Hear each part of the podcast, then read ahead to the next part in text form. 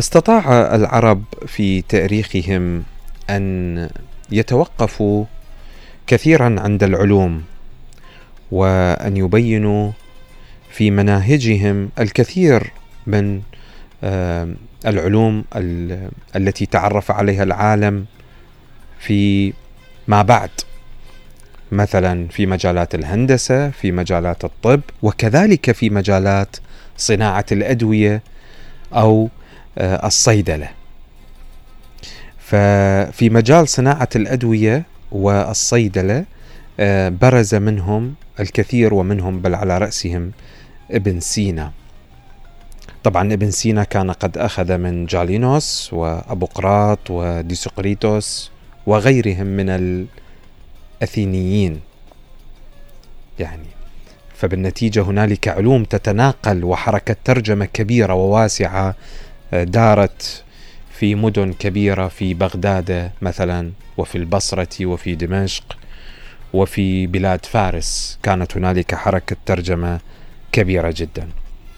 طبعا واحد من أهم آه، الصيادلة في التاريخ العربي الإسلامي هو ابن البيطار. قد يتساءل سائل ويقول لما نستعيد مثل هذه الأسماء في ظل آه، يعني في الوقت الحالي في ظل هيمنة التكنولوجيا وفي ظل هيمنة آه، رأس المال اللي تحدثنا عنه تونا وفي ظل هيمنة العولمة وفي ظل هيمنة التقدم المضطرد السريع الذي يصعب السيطرة عليه وفي ظل هيمنة الذكاء الاصطناعي اليوم. ChatGPT وغيرها من أنظمة الذكاء الاصطناعي اللي يتم الترويج لها وبشكل كبير جدا واللي راح تحل محل الجوجل ومحركات البحث المعروفة والمتعارف عليها. فالسبب في ذلك هو أن كل هذا اللي تحدثنا عنه التكنولوجيا رأس المال الاستهلاك السوق حركة السوق هذه جعلت الناس تبتعد عن مفاهيم أساسية في التاريخ والتراث والأدب والشعر وفي العلوم وفي التعرف على العلوم. ومثل هذه العلوم تعد الخلفية الأساسية الحضارية التي يجب أن يعتمد عليها الإنسان لينطلق للأمام. يعني ما ممكن أنت العقل يقول والمنطق يقول والعلم كذلك يقول. ما ممكن أنت أن تنطلق للأمام إذا لم يكن لديك قاعدة تستند عليها. واحدة من أهم القواعد العالمية مو العربية الإسلامية هي العلماء آه، المسلمون الذين قدموا عصارة أفكارهم وجهدهم إلى العالم وتمت ترجمة أعمالهم إلى العالم وتمت الاستفادة منها وبشكل كبير. ومنهم بلع ومنهم ابن البيطار الذي نحن بصدده. طبعا ابن البيطار كان عالما في مجال صناعة الأدوية كما قلنا مثل ابن سينا غالينوس أبوقراط وكان آه يعني يعتمد على هذه الأسماء وكان مجربا كما تعبر عنه الكتب آه أي بمعنى أنه كان يقوم بتجارب عملية لإثبات الأدوية التي يستخدمها. وكان لديه كتاب مهم اسمه الجامع لمفردات الأدوية والأغذية وقد لخص فيه ابن البيطار المنهج المنهج الذي اتبعه في أبحاثه. فلذلك كان يعتمد في أبحاثه كما أشار هو إلى ذلك بالمشاهدة أو على المشاهدة والنظر. بالضبط يعني مثل الأبحاث آه، التي تجرى اليوم في عصر العولمة المشاهدة والنظر.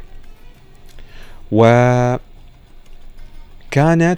وكان لديه مختبر يخالف فيه ال ال القوى الغيبية كما يعبر عن ذلك. يعني ماكو شيء اسمه في نظره إنه ينتج دواء وفق رؤية غيبية لا وفق مشاهدات حسية وماهيه واضحة. طبعا أقام في دمشق آه، في زمن آه، الملك نجم الدين أيوب وكان يقوم بجولات في مناطق الشام وتركيا وكذلك اتصل به طبيب مشهور وصانع مشهور اللي هو ابن أبي أصيبعة صاحب الكتاب الشهير عيون الأنباء في طبقات الأطباء وشاهد معه كثيرا من أنواع النباتات التي كانت تقر أو تقر عفوا كأدوية وكان يعتبر أنه لكل داء دواء آه، يجب أن يتم اكتشافه.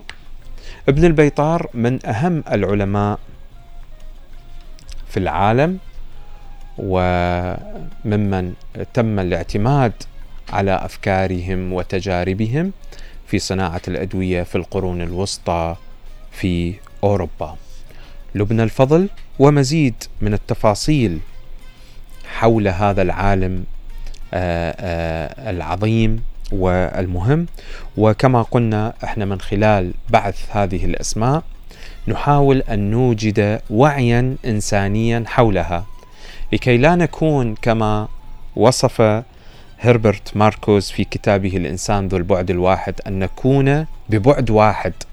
فقط مستهلكين فقط نستخدم أجهزة إلكترونية فقط نعيش في ظل العولمة ورأس المال ونبتعد عن كل ما من شأنه أن ينفع الدماغ العقل ويلهمه بمثل هذه الأسماء وبمثل هذه المعلومات وبمثل هذه الاطلاعات الأساسية التي من خلالها نستطيع أن نبني جيلا ونشأ يعتمد عليه في المستقبل. لبنى الفضل ومزيد من التفاصيل. صحيح أنه رفض السير على نهج والده وأجداده الذين كانوا بياطرة ولكن ابن البيطار ورث عنهم حرفة المداواة. وإذا كانت عائلته قد اشتهرت على مر الزمان بعلاج الحيوانات فهو عمل ليداوي الإنسان.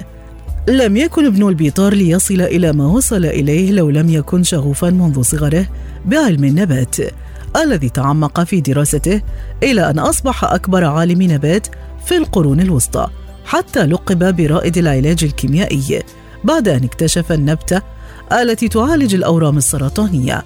اسمه الكامل ضياء الدين أبو محمد عبد الله بن أحمد المالقي. وقد ولد نحو سنة 1190 في مدينة مالقا الأندلسية ونشأ وسط عائلة مشهورة بتطبيب الحيوانات. والده ضياء الدين كان بيطريا وحدادا وقد حرص على تعليم ابنه مهنة البيطرة منذ أن صار في العاشرة من عمره. ومن هنا اتخذ الاسم الذي اشتهر به ابن البيطار. لكن علاج الحيوانات لم يكن يستهوي ابن البيطار قط بل كان عوضا عن ذلك يفضل الذهاب إلى الغابة حيث يتأمل الطبيعة ويبحث عن الكائنات الغريبة ويرسم الأشجار والنباتات. ومن شدة حبه لها شرع في جمع المعلومات عنها والبحث عن أسمائها ثم تدوينها وحفظها. فكان ذلك أول ظواهر ميوله وشغفه بالتطبيب والتداوي بالأعشاب. في بداية شبابه كان ابن البيطار محظوظا بأن أتيحت له الفرصة لتعميق معرفته بعلم النبات. عندما عمل في محل عالم النبات المشهور أبي العباس أحمد بن المفرج المعروف باسم ابن الرومية الإشبيلي. وقد كان محل ابن الرومية يقع وسط مدينة إشبيليا الأندلسية وهو مخصص لبيع مختلف أنواع النباتات لا سيما الحشائش الطبية. ويقال إن ابن البيطار قد تلقى أيضا أساسيات حرفة الصيدلة على يد عبد الله بن صالح الكتامي الذي كان يشتغل صيدلانيا في بلاط والي دولة الموحدين بالأندلس في بداية شبابه. وبسبب حالة اللا استقرار السياسي الذي كانت تعيشه الأندلس في ذلك الوقت غادر ابن البيطار البلاد باتجاه المغرب الذي كان لا يزال يخضع لحكم دولة الموحدين. وعندما وصل ابن البيطار إلى المغرب حاملا معه رسالة من أستاذه ابن الرومية الإشبيلي إلى أبي الحجاج عالم النبات في تلك الديار. وبعد أن استقر به المقام فيها هو وأسرته نصحه أبو الحجاج بالسفر إلى بلاد الإغريق والرومان حتى ينهي دراسته لعلم النبات. ووصل سفره بحرا نحو آسيا الوسطى فزار اليونان ووصل به المطاف إلى أقصى بلاد الروم. ثم اتجه إلى المشرق الإسلامي فزار بلاد فارس والعراق ثم بلاد الشام ومصر.